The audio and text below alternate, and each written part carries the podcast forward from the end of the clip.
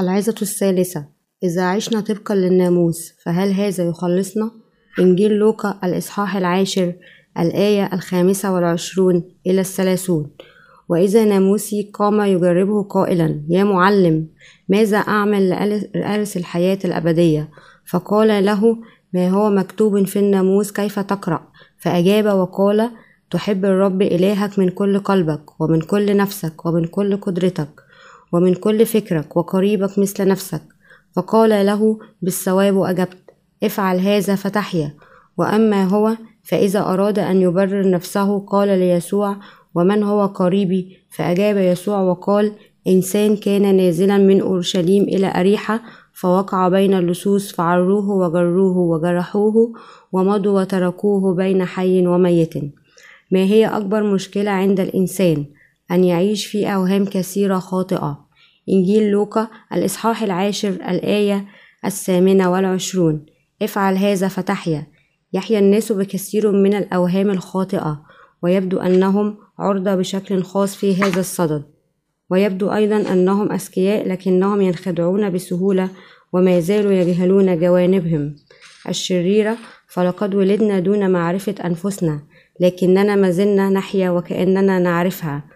ولأن الناس لا يعرفون أنفسهم يقول لنا الكتاب المقدس بشكل متكرر أننا خطاة. يتحدث الناس عن وجود خطاياهم الشخصية ويبدو أن الناس غير قادرين على فعل الخير غير أنهم يميلون لوصف أنفسهم كصالحين فهم يفتخرون بأعمالهم الصالحة ويتباهون رغم أنهم يقولوا بشفاههم أنهم خطاة. فهم لا يعرفون أنه ليس لديهم صلاح في ذواتهم ولا قدرة على فعل الخير. لذلك هم يحاولون خداع الآخرين وأحيانا حتى يخدعون أنفسهم. هيا لا يمكن أن نكون أشرارا بالكامل فلابد أن يكون هناك قليل من الصلاح داخلنا. وبناء على ذلك ينظرون إلى الآخرين ويقولون في أنفسهم يا إلهي ليته لم يفعل ذلك. كان من الأفضل له لو لم يفعل ذلك. كان ليكون حاله أفضل كثيرا إذا تحدث على هذا النحو. أعتقد أنه من الأفضل له التبشير بالإنجيل بهذه أو تلك الطريقة. لقد نال الخلاص قبلي. لذلك أعتقد أنه يجب أن يسلك أكثر كإنسان نال الخلاص. لقد خلصت مؤخرا. لكن إذا تعلمت أكثر فسأفعل أفضل بكثير مما يفعل. إنهم يحدون سكاكينهم في قلوبهم متى تألموا.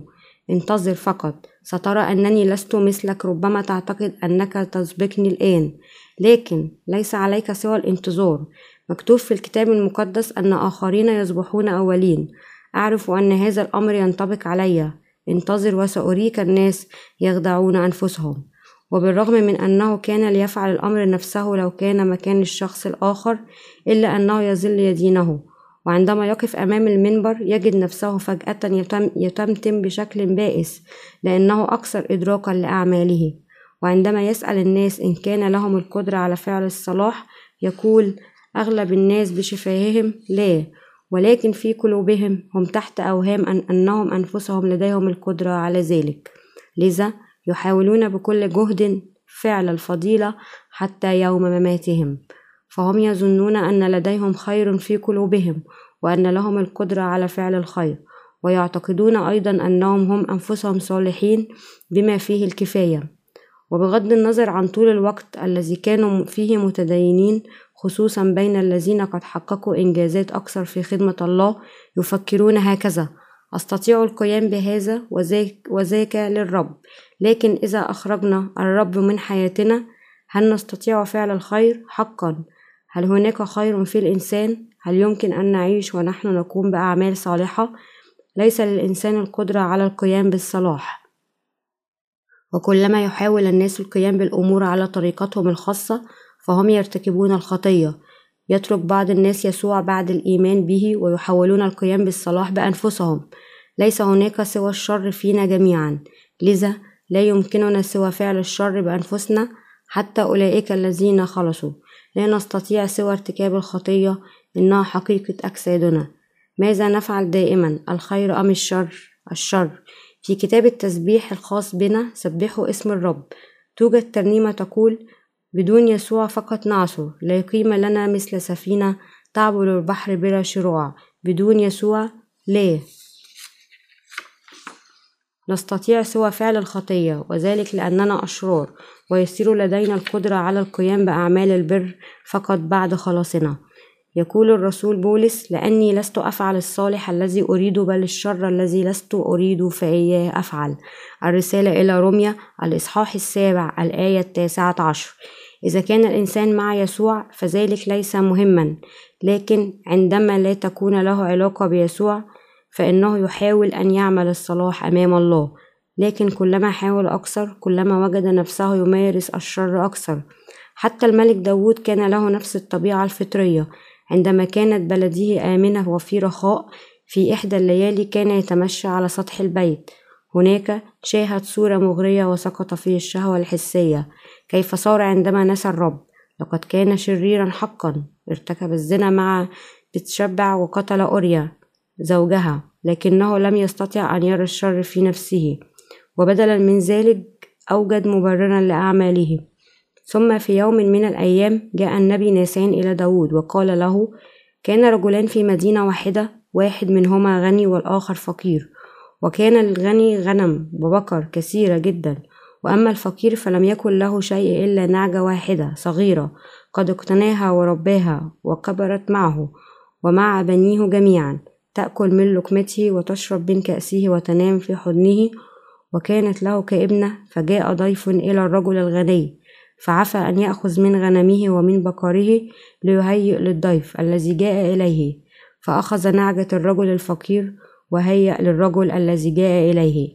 صمويل الثاني الإصحاح الثاني عشر الآية الأولى إلى الرابعة. قال داود الرجل الذي فعل هذا يجب أن يموت. استشاط غضبا عظيما فقال إن له الكثير خاصته. كان قادرا بالتأكيد على أخذ واحدة منها ولكنه بدلا من ذلك أخذ النعجة الوحيدة التي للرجل الفقير ليعد الطعام لضيفه إنه يجب أن يقتل. فقال له ناسان أنت هو الرجل الذي إذا لم نتبع يسوع ونكون معه. حتى الذين اختبروا الولادة الجديدة يمكن أن يرتكبوا, يرتكبوا الشر مثل هذا. وذات الأمر نفسه لجميع الناس حتى المؤمنين نحن نعصر دائما ونمارس الشر بدون يسوع. لذلك اليوم نحن شاكرين مرة ثانيا أن يسوع خلصنا. بغض النظر عن الشر الذي فينا. أريد أن أستريح تحت ظل الصليب. تستريح قلوبنا تحت ظل خلاص المسيح. لكن إذا تركنا الظل ونظرنا لأنفسنا لا نستطيع أن نستريح أبدا. أعطانا الله بر الإيمان قبل الناموس. أي شيء أسبق لنتبعه الإيمان أم الناموس؟ الإيمان. قال الرسول بولس أن الله أعطانا بر الإيمان من البداية فقد أعطانا الله لآدم وحواء لقايين وهابيل ثم لشيس وأخنوخ ثم لنوح ثم لإبراهيم ثم إسحاق وأخيرا ليعقوب وأولاده الاثنى عشر حتى إنهم بدون الناموس أصبحوا مبررين أمام الله من خلال البر الذي من الإيمان بكلمة الله. لقد تمتعوا بالنعمة والراحة من خلال إيمانهم بكلمة الله. ومر الوقت وعاش نسل يعقوب في مصر كعبيده لمدة أربعمائة سنة بسبب يوسف. ومن ثم قادهم الله خارج مصر من خلال موسى إلى أرض كنعان لكنهم خلال الأربعمائة سنة من العبودية قد نسوا بر الإيمان. وعلى هذا تركهم الله يعبرون البحر الأحمر بمعجزاته وقادهم إلى البرية وعند وصولهم إلى برية سين أعطى لهم الناموس عند جبل سينا. أعطاهم الرب الناموس الذي يحتوي على الوصايا العشر إلى جانب الستمائة وثلاثة عشر وصية تفصيلية وأعلن الله أنه هو الرب إلهك إله إبراهيم وإله إسحاق وإله يعقوب. دعا موسى يصعد إلى جبل سيناء. سأعطيك الناموس ومن ثم أعطى الرب الناموس لبني إسرائيل. أعطاهم الناموس حتى يمكنهم معرفة الخطية. الرسالة إلى روميا الإصحاح الثالث الآية العشرون. كان ليجعلهم يعرفون ماذا يحبه الرب وما لا يحب وللكشف عن بر الله وقداسته. جميع بني إسرائيل الذين عاشوا عبيدا في مصر لمدة أربعمائة سنة عبروا البحر الأحمر. لم يقابلوا أبدا إله إبراهيم وإله إسحاق وإله يعقوب من قبل فلم يعرفوا الرب. وأثناء حياتهم عبيدا لمدة أربعمائة سنة نسوا بر الله. في ذلك الوقت لم يكن لهم أي قائد كان يعقوب ويوسف قادتهما لكنهما قد ماتا منذ وقت طويل ويبدو أن يوسف فشل في نقل الإيمان إلى ولديه منسى وإفرايم. وعلى هذا احتاجوا أن يجدوا إلههم من جديد ويقابلوه لأنهم قد نسوا بره يجب أن نضع في الاعتبار أن الله أعطاهم بر الإيمان أولا ثم أعطاهم الناموس بعد أن كانوا قد نسوا الإيمان أعطاهم الرب الناموس ليرجعوا إليه من أجل أن يخلص إسرائيل ويجعلهم شعبه أمرهم أن يختتنوا. لقد كان هدف الله من دعوته ومن دعوتهم هو تعريفهم بوجوده بوضع الناموس وثانيا لتعريفهم أنهم كانوا خطاة أمامه. أرادهم أن يأتوا إليه ويصبحوا شعبه لبتخليصهم من خلال نظام تقديم الذبائح الذي أعطاه لهم وجعلهم الرب شعبه. لقد تم خلاص بنو إسرائيل من خلال نظام تقديم الذبائح الذي في الناموس بالإيمان بالمسيا الآتي لكن نظام تقديم الذبائح تلاشى تدريجيا مع الزمن لنرى متى كان ذلك. في لوقا الإصحاح العاشر الآية الخامسة والعشرون جاء ذكر ناموسي جرب يسوع كان هذا الناموسي فريسيا وكان الفريسيون محافظين جدا وسعوا إلى العيش بحسب كلمة الله. حاولوا حماية بلدهم أولا ثم العيش بحسب ناموس الله. ثم كان هناك جماعة الغيوريين الذين كانوا متحمسين جدا وأرادوا اللجوء إلى العنف لتحقيق تصورهم وهو استقلال إسرائيل عن روما. من هم الذين أراد يسوع مقابلتهم؟ الخطاة الذين بدون راعي. حتى في هذه الأيام يوجد هناك بعض الرموز الدينية مثلهم. يقودون الحركات الاجتماعية تحت شعارات مثل انقذوا شعوب العالم المظلومة. يؤمنون أن يسوع جاء لخلاص الفقراء والمظلومين. لذا بعد تعلمهم اللاهوت في المعاهد اللاهوتية يشتركون في السياسة ويحاولون تحرير المحرومين في كل ميدان من ميادين المجتمع. لذا هم الذين يصرون على أنه فلنعيش جميعا بالشريعة المقدسة الرحيمة. نعيش بالناموس بكلمة الله لكنهم لا يدركون المعنى الحقيقي للناموس. يحاولون العيش بحرفية الناموس بينما لا يدركون الإعلان الإلهي في الناموس. على هذا يمكننا القول أنه لم يمكن هناك لم يكن هناك أي أنبياء أو خدام لله لمدة حوالي 400 سنة قبل المسيح. وبسبب هذا أصبحوا قطيعا من الغنم بلا راعي. لم يكن لديهم الناموس ولا قائد حقيقي فلم يعلن الرب عن نفسه من خلال رجال الدين المرائين لذلك الزمان. لقد أصبحت البلد مستعمرة رومانية. لذا قال يسوع لبني إسرائيل الذين تبعوه إلى البرية أنه لن يطلقهم وهم جياع. لقد أشفق على الغنم التي بلا راعي لأنه كان هناك عدد كبير من الذين يعانون في ذلك الوقت. إن الناموسيين علماء الشريعة والآخرين في المناصب المماثلة كانوا أساسا من الذين لهم حقوق مكتسبة. الفريسيون كانوا من السلالة الأرثوذكسية لليهود. وكانوا معتزين بأنفسهم اعتزازا كبيرا. وسأل هذا الناموسي يسوع في إنجيل لوقا الإصحاح العاشر الآية الخامسة والعشرون يا معلم ماذا أعمل لأرث الحياة الأبدية؟ بدأ أنه يعتقد أن ليس هناك أحد أفضل منه من بين بني إسرائيل. فتحدى هذا الناموسي الذي لم يخلص يسوع قائلا ماذا أعمل لأرث الحياة الأبدية؟ ليس هذا الناموسي سوى انعكاس لحالنا. لقد سأل يسوع ماذا أعمل لأرث الحياة الأبدية؟ فأجاب يسوع ما هو مكتوب في الناموس؟ كيف تقرأ؟ فأجاب تحب الرب إلهك من كل قلبك ومن كل نفسك ومن كل قدرتك ومن كل فكرك وقريبك مثل نفسك. فقال له يسوع بالصواب أجب افعل هذا فتحيا. لقد تحدى يسوع وهو يعرف أن ذاته شريرة وكتلة من الخطايا لا يمكنه فعل الصلاح أبدا. فسأله يسوع ما هو مكتوب في الناموس؟ كيف تقرأ؟ كيف تقرأ الناموس؟ نحن خطاة لا يمكن لنا مراعاة الناموس. كيف تقرأه؟ بتلك الفقرة يسأل يسوع كيف يمكن للمرء بما فيهم أنا وأنتم أن يعرف ويفهم الناموس. وكما يفعل عدد كبير من الناس في هذه الأيام هكذا ظن أيضا أن الناموسي أن الرب أعطاه الناموس لكي يراعيه. لذلك أجاب تحب الرب إلهك من كل قلبك ومن كل نفسك ومن كل قدرتك ومن كل فكرك وقريبك مثل نفسك. لقد كان الناموس بدون خطأ. أعطانا الرب الناموس الكامل فقال لنا أن نحب الرب إلهنا من كل قلوبنا وكل نفوسنا وكل قدرتنا وكل فكرنا ونحب قريبنا كأنفسنا. من الصحيح لنا أن نحب الرب إلهنا بكل قلوبنا وكل قدرتنا وفكرنا ولكنها وصية مقدسة لا نستطيع تنفيذها أبدا. تعني هذه الفقرة كيف تقرأه؟ أن الناموس صحيح. لكن كيف تفهمه؟ أعتقد الناموسية أن الرب أعطاها الناموس ليطيعه ولكن أعطى لنا ناموس الله حتى نعرف نقائصنا عن طريق كشف شرورنا تماما. لقد أخطأت قتلت بينما قلت لك لا تقتل لماذا لم تطوعني يظهر الناموس الخطايا في قلوب الناس. لنفترض أنني وأنا في طريقي إلى هنا.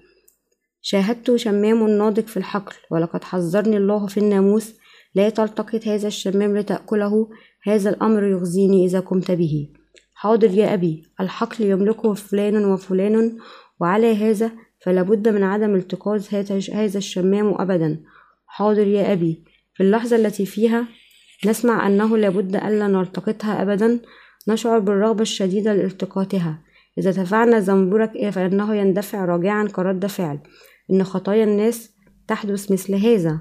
قال الله لنا ألا نفعل أفعالا شريرة. وهو يستطيع قول هذا لأنه قدوس ولأنه كامل ولأن له قدرة على فعل ذلك. من الناحية الأخرى نحن لا نستطيع ألا نفعل الخطية أبدا ولا أن نكون صالحين بشكل بحت أبدا. لا يوجد لدينا الخير في قلوبنا أبدا. ينص الناموس على كلمة أبدا. لماذا؟ ذلك لأن الناس لديهم شهوات في قلوبهم ولا يمكننا إلا أن نتصرف بحسب شهواتنا. نرتكب الزنا لأننا لدينا شهوة زنا في قلوبنا. فلا بد لنا من قراءة الكتاب المقدس بعناية. عندما حاولت لأول مرة قمت بتحليل كلمة الله حتى حروفها. قرأت أن يسوع مات على الصليب من أجلي ولم أستطع إيقاف الدموع من الجريان من عيني فقد كنت شخصا شريرا. ويسوع مات على الصليب من أجلي. حزن قلبي بشكل فظيع حتى أمنت به ومن ثم فكرت إذا كنت سأؤمن به فسأؤمن به طبقا لكلمته. وعندما قرأت سفر الخروج الإصحاح العشرون مكتوب لا يكن لك آلهة أخرى أمامي صليت تائبا وفقا لهذه الوصية.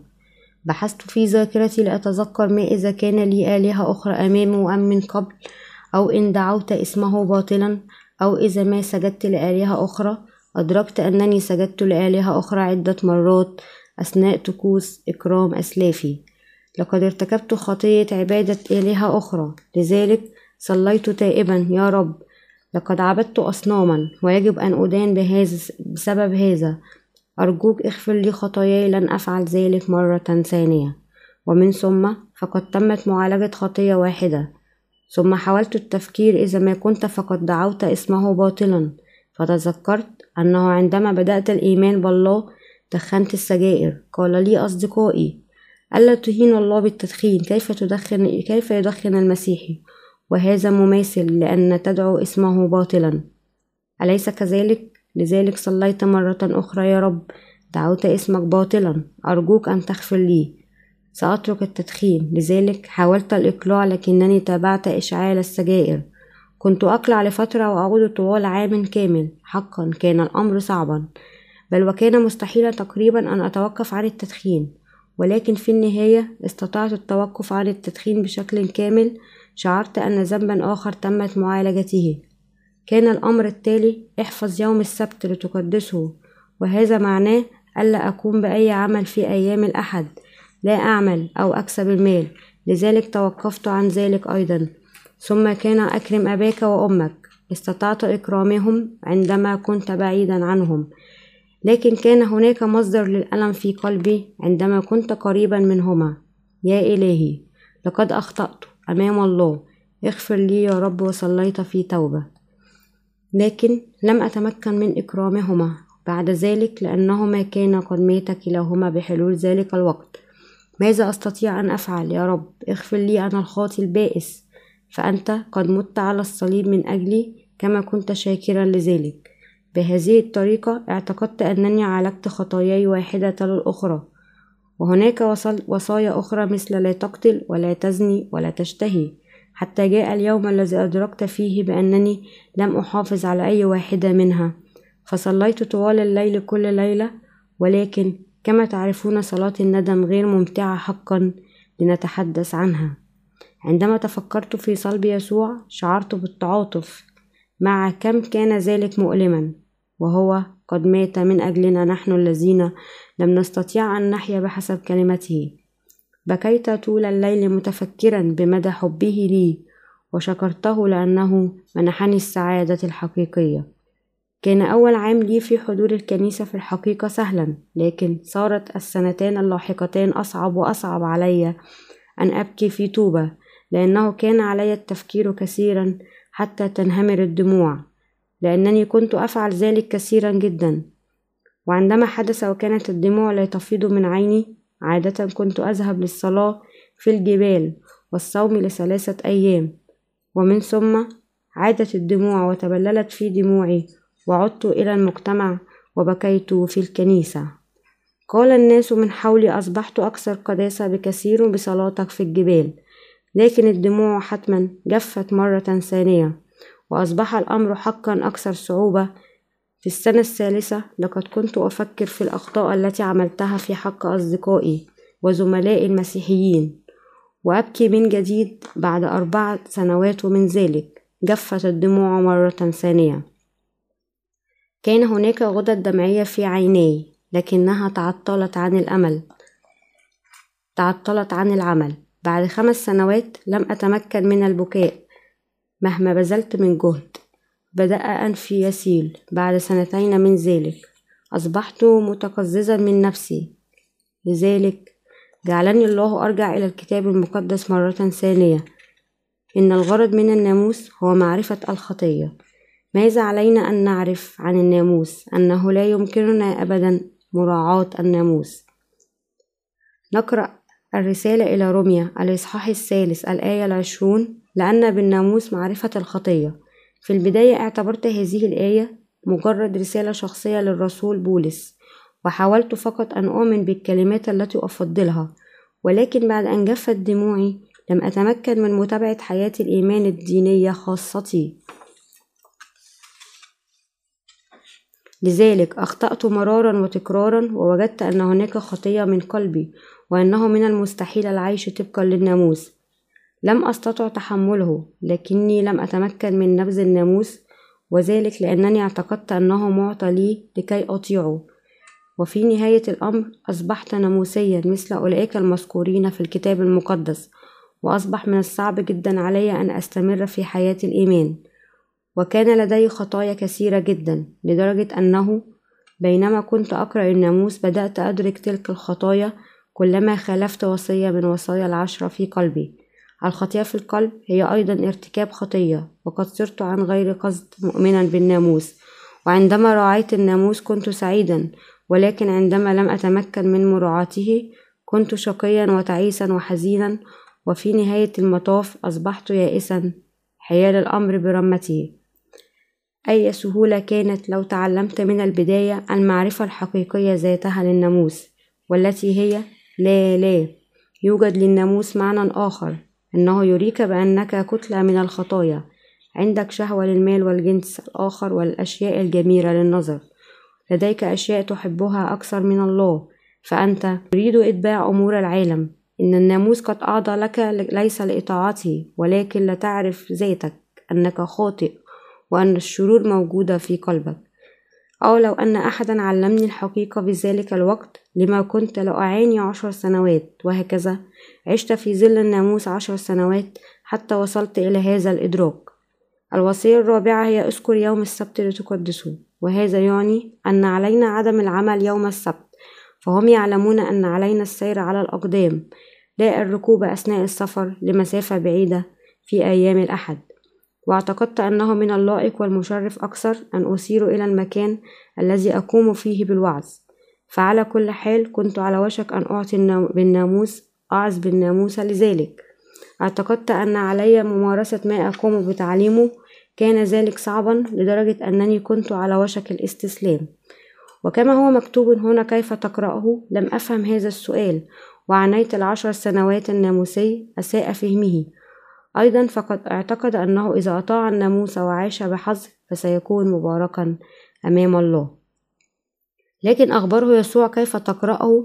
فأجاب الرجل بحسب إيمانه الناموسي ومن ثم قال الرجل قال الرب للرجل نعم أجبت بالصواب إنك تفهمه كما هو مكتوب. حاول ونفذه ستعيش إذا فعلت ذلك ولكنك ستموت إذا لم تفعل. إن أجرة الخطية موت ستموت إذا لم تفعل ذلك. فالموت عكس الحياة أليس كذلك؟ لكن الناموسي ما زال لم يفهم بعد. ذلك الناموسي مثل كل واحد منا أنتم وأنا. لقد درست اللاهوت عشر سنوات وجربت كل شيء وقرأت كل شيء وفعلت كل شيء. الصوم أن أرى رؤية التكلم بألسنة وغير ذلك. قرأت الكتاب المقدس لعشر سنوات وتوقعت إنجاز شيء لكن روحيا كنت ما زلت رجلا أعمى. لهذا السبب يتوجب على الخاطئ أن يلتقي بشخص يفتح عينيه وهذا الشخص هو ربنا يسوع ومن ثم سيعرف أنه آه لا يمكننا أبدا مراعاة الناموس. مهما بذلنا من الجهود ونحن نحاول ما إلا أننا سنموت بينما نحاول يائسين. لكن يسوع جاء لخلاصنا بالماء والروح. هللويا. يمكن للماء والروح أن يخلصنا إنها النعمة. عطية الله. لذلك نحمد الرب. كنت محظوظا كفاية لأنني خرجت من الطريق البائس للحياة الناموسية لكن البعض يقضون حياتهم وهم يدرسون اللاهوت بلا فائدة ولا يدركون الحقيقة أبدا. حتى يوم موتهم يؤمن بعض الناس لعشرات السنوات أو من جيل إلى جيل لكنهم لا يختبرون الولادة الجديدة أبدا. لقد خرجنا من كوننا خطاة عندما أدركنا أننا لا نستطيع مراعاة الناموس أبدا. ثم نقف أمام يسوع ونستمع إلى بشارة الماء والروح. عندما نلتقي بيسوع نتخلص من جميع الدينونة واللعنات. إننا أسوأ الخطاة لكننا نصبح أبرارا لأنه خلصنا بالماء والدم. قال يسوع لنا بأننا لا يمكن لنا أن نعيش بحسب إرادته. لقد أخبر الناموس بذلك ولكنه لم يفهم. لذلك قال له يسوع حكاية ليساعده على الفهم. ما الذي يجعل الناس يفشلون في حياة الإيمان؟ الخطية. إنسان كان نازلا من أورشليم إلى أريحة فوقع بين لصوص فعروه وجرحوه ومضوا وتركوه بين حي وميت. إنجيل لوقا الإصحاح العاشر الآية الثلاثون. قال يسوع هذا المثل للناموسي ليوقظه من الحقيقة التي عاناها طيلة حياته. مثلما ضرب هذا الرجل من اللصوص كان على وشك الموت. سافر إنسان من أورشليم إلى أريحة. أريحة هي العالم الدنيوي. بينما أورشليم تعني مدينة, مدينة الدين مدينة الإيمان المدينة المليئة بالمتفاخرين بالناموس. تخبرنا القصة أنه إذا أمنا بالمسيح بطريقة دينية فقط فإننا سنهلك. إنسان كان نازلا من أورشليم إلى أريحة فوقع بين لصوص فعروه وجرحوه ومضوا وتركوه بين حي وميت.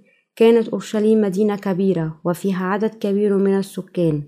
كان هناك رئيس الكهنة ومجموعة من الكهنة والولاويين ورجال الدين المعروفين. وكان هناك الكثير الذين يعرفون الناموس جيدا. هناك حاولوا طاعة الناموس لكنهم فشلوا في النهاية فتوجهوا إلى أريحة واستمروا في السقوط إلى العالم الدنيوي. أريحة ولم يستطيعوا تفادي مقابلة اللصوص. لقد التقى الرجل مع اللصوص في طريقه إلى من أورشليم إلى أريحة ونزعوا عنه ثيابه التعري من الثياب معناه فقدان البر. من المستحيل لنا أن نعيش طبقا للشريعة وبحسب الناموس. قال الرسول بولس في الرسالة إلى روميا الإصحاح السابع الآية التاسعة عشرة والآية العشرون لأني لست أفعل الصالح الذي أريد بل الشر الذي لست أريد فإياه أفعل. فإن كنت ما لست أريد إياه أفعل فلست بعد أفعله أنا بل الخطية الساكنة فيا. أتمنى أن أفعل الصلاح وأحيا في كلماته لكن من الداخل من قلوب الناس تخرج الأفكار الشريرة. زنا فسق قتل سرقة. طمع خبث مكر عهارة عين شريرة تجديف كبرياء وجهل. إنجيل مرقس الإصحاح السابع الآية الحادية والعشرون الآية الثالثة والعشرون. ولأن هذه الشرور موجودة في قلوبنا وتخرج بين الحين والآخر فإننا نفعل ما لا نريد ولا نفعل ما نريد ويجب أن نفعله. نستمر في تكرار تلك الشرور في قلوبنا. إنما يحتاجه إبليس هو أن يعطينا محفز صغير حتى نخطئ. الخطايا في داخل قلوب كل البشرية. هل نستطيع أن نحيا بالناموس؟ لا. جاء في إنجيل مرقس الإصحاح السابع الآية الخامسة عشر ليس شيء من خارج الإنسان إذا دخل فيه يقدر أن ينجسه. لكن الأشياء التي تخرج منه هي التي تنجس الإنسان. يقول يسوع لنا بأنه هناك الأفكار الشريرة زنا فسق قتل سرقة طمع خبث مكر عهارة عين شريرة تجديف كبرياء وجهل داخل قلب الإنسان. جميعنا لدينا شر قتل في قلوبنا. لا يوجد شخص لا يقتل. تصيح الأمهات في أولادهن. لا لا تفعل ذلك. قلت لك لا تفعل ذلك. اللعنة عليك. قلت لك مرارا وتكرارا أو لا تفعل ذلك. سوف أقتلك. إذا فعلت ذلك ثانيا. قلت لك ألا تفعل ذلك. هذا قتل. قد تقتل أولادك في ذهنك بكلماتك التافهة. ما زالت أولادنا أحياء لأنهم يهربون منا بسرعة. ولكن إذا صببنا عليهم كل غضبنا ربما كن كنا قتلناهم. أحيانا نخيف أنفسنا يا إلهي لماذا فعلت ذلك؟ وننظر إلى آثار الجروح بعد ضرب أولادنا ونفكر بأنه لابد وأننا كنا مجانين لفعل ذلك. إننا لا نستطيع إلا أن نتصرف بتلك الطريقة لأنها يوجد في قلوبنا قتل وهكذا. فأنا أفعل ما لا, ما لا أريد وهذا معناه بأننا نفعل الشر لأننا أشرار. ولذلك يسهل علي الشيطان إغراؤنا بالخطية.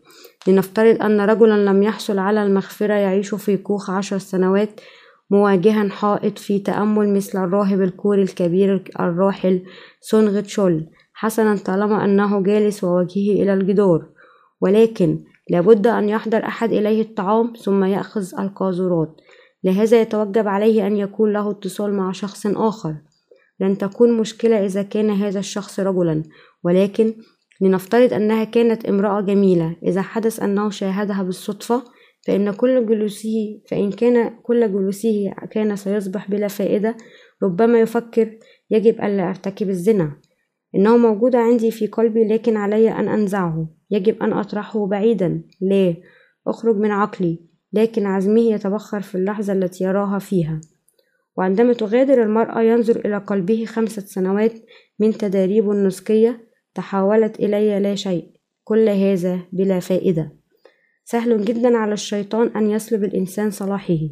كل ما عليه أن يفعل هو إعطائه دفعة خفيفة عندما يجاهد الإنسان لكي يخطئ بدون الحصول على الخلاص فإنه بدلا من ذلك يستمر في السكوت في الخطايا. قد يدفع العشور بإخلاص إلى الكنيسة كل يوم أحد ويصوم أربعين يوما ويصلي مائة يوم في الفجر وغير ذلك لكن الشيطان يغريه ويخدعه بأشياء تبدو جميلة في الحياة. أريد أن أعطيك مركزا مرموقا. في الشركة. لكن مسيحي لكنك مسيحي ولا تستطيع العمل يوم الأحد. أليس كذلك؟ إنه مركز رائع. ربما تستطيع أن تعمل ثلاثة أحاد وتذهب مرة واحدة في الشهر إلى الكنيسة. عند ذلك ستستمتع بالمركز المرموق وتحصل على راتب كبير. ما رأيك في هذه الحالة؟ غالبا مئة شخص من مئة شخص يمكن شراءهم. إذا لم ينجح هذا فالشيطان يستخدم حيلة أخرى على من هم ضعفاء أمام النساء. إن الشيطان يضع امرأة أمامه فيقع في حبها وينسى الله في لحظة.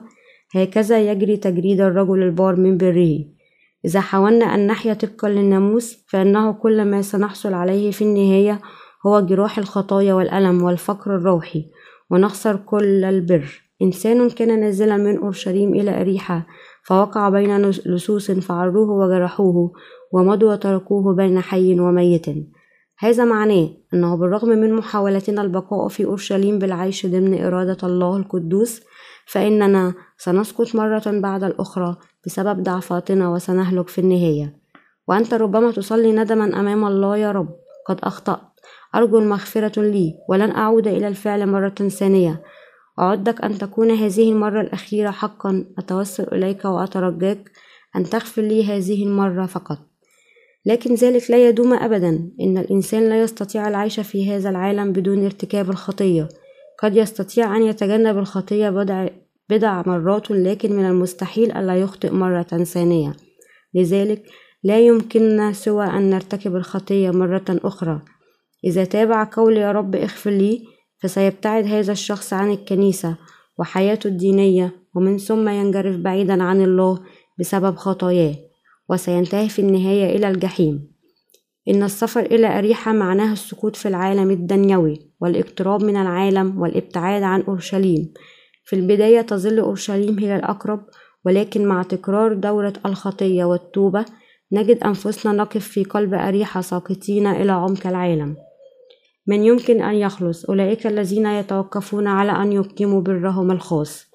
بمن التقى الرجل أثناء سيره إلى أريحة التقى مع اللصوص يحيى الشخص الذي لا يعرف ويعيش بالناموس له حياة شبيهة بكلب متشرد يسكر وينام في أي مكان ويتبول في أي مكان.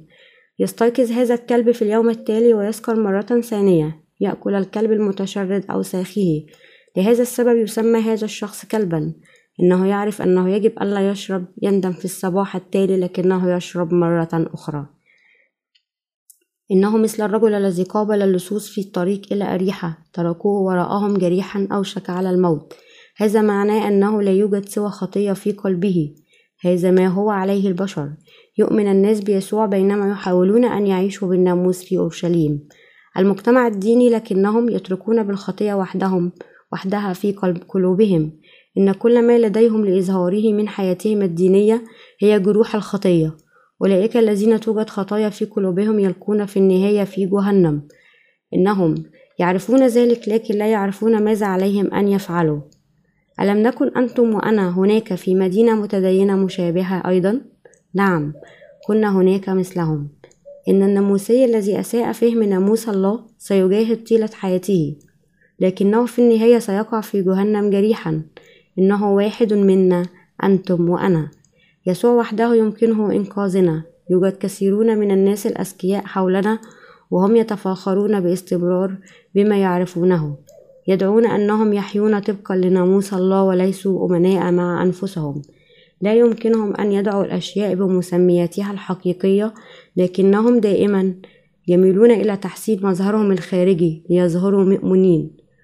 وبينما خطاه في الطريق إلى أريحة الذين ضربهم اللصوص والذين كانوا متروكين على وشك الموت. لذا علينا أن نعرف كم نحن ضعفاء أمام الله وعلينا الاعتراف أمامه. يا رب سأذهب إلى جهنم إذا لم تنقذني. أرجوك أن تخلصني. سأذهب أينما تريدني أن أذهب حتى لو نزل البرد وصارت العواصف. إذا تمكنت فقط من سماع البشارة الحقيقية إذا تركتني فسأذهب إلى جهنم. أتوسل إليك أن تخلصني. أولئك الذين يعرفون أنهم ذاهبون إلى جهنم وتوقفوا عن محاولة تحقيق برهم الذاتي وتعلقوا بالرب. هؤلاء هم الذين يمكن خلاصهم. لا يمكن لنا الخلاص اعتمادا على جهودنا الذاتية. علينا أن نفهم أننا مثل الرجل الذي سقط بين اللصوص.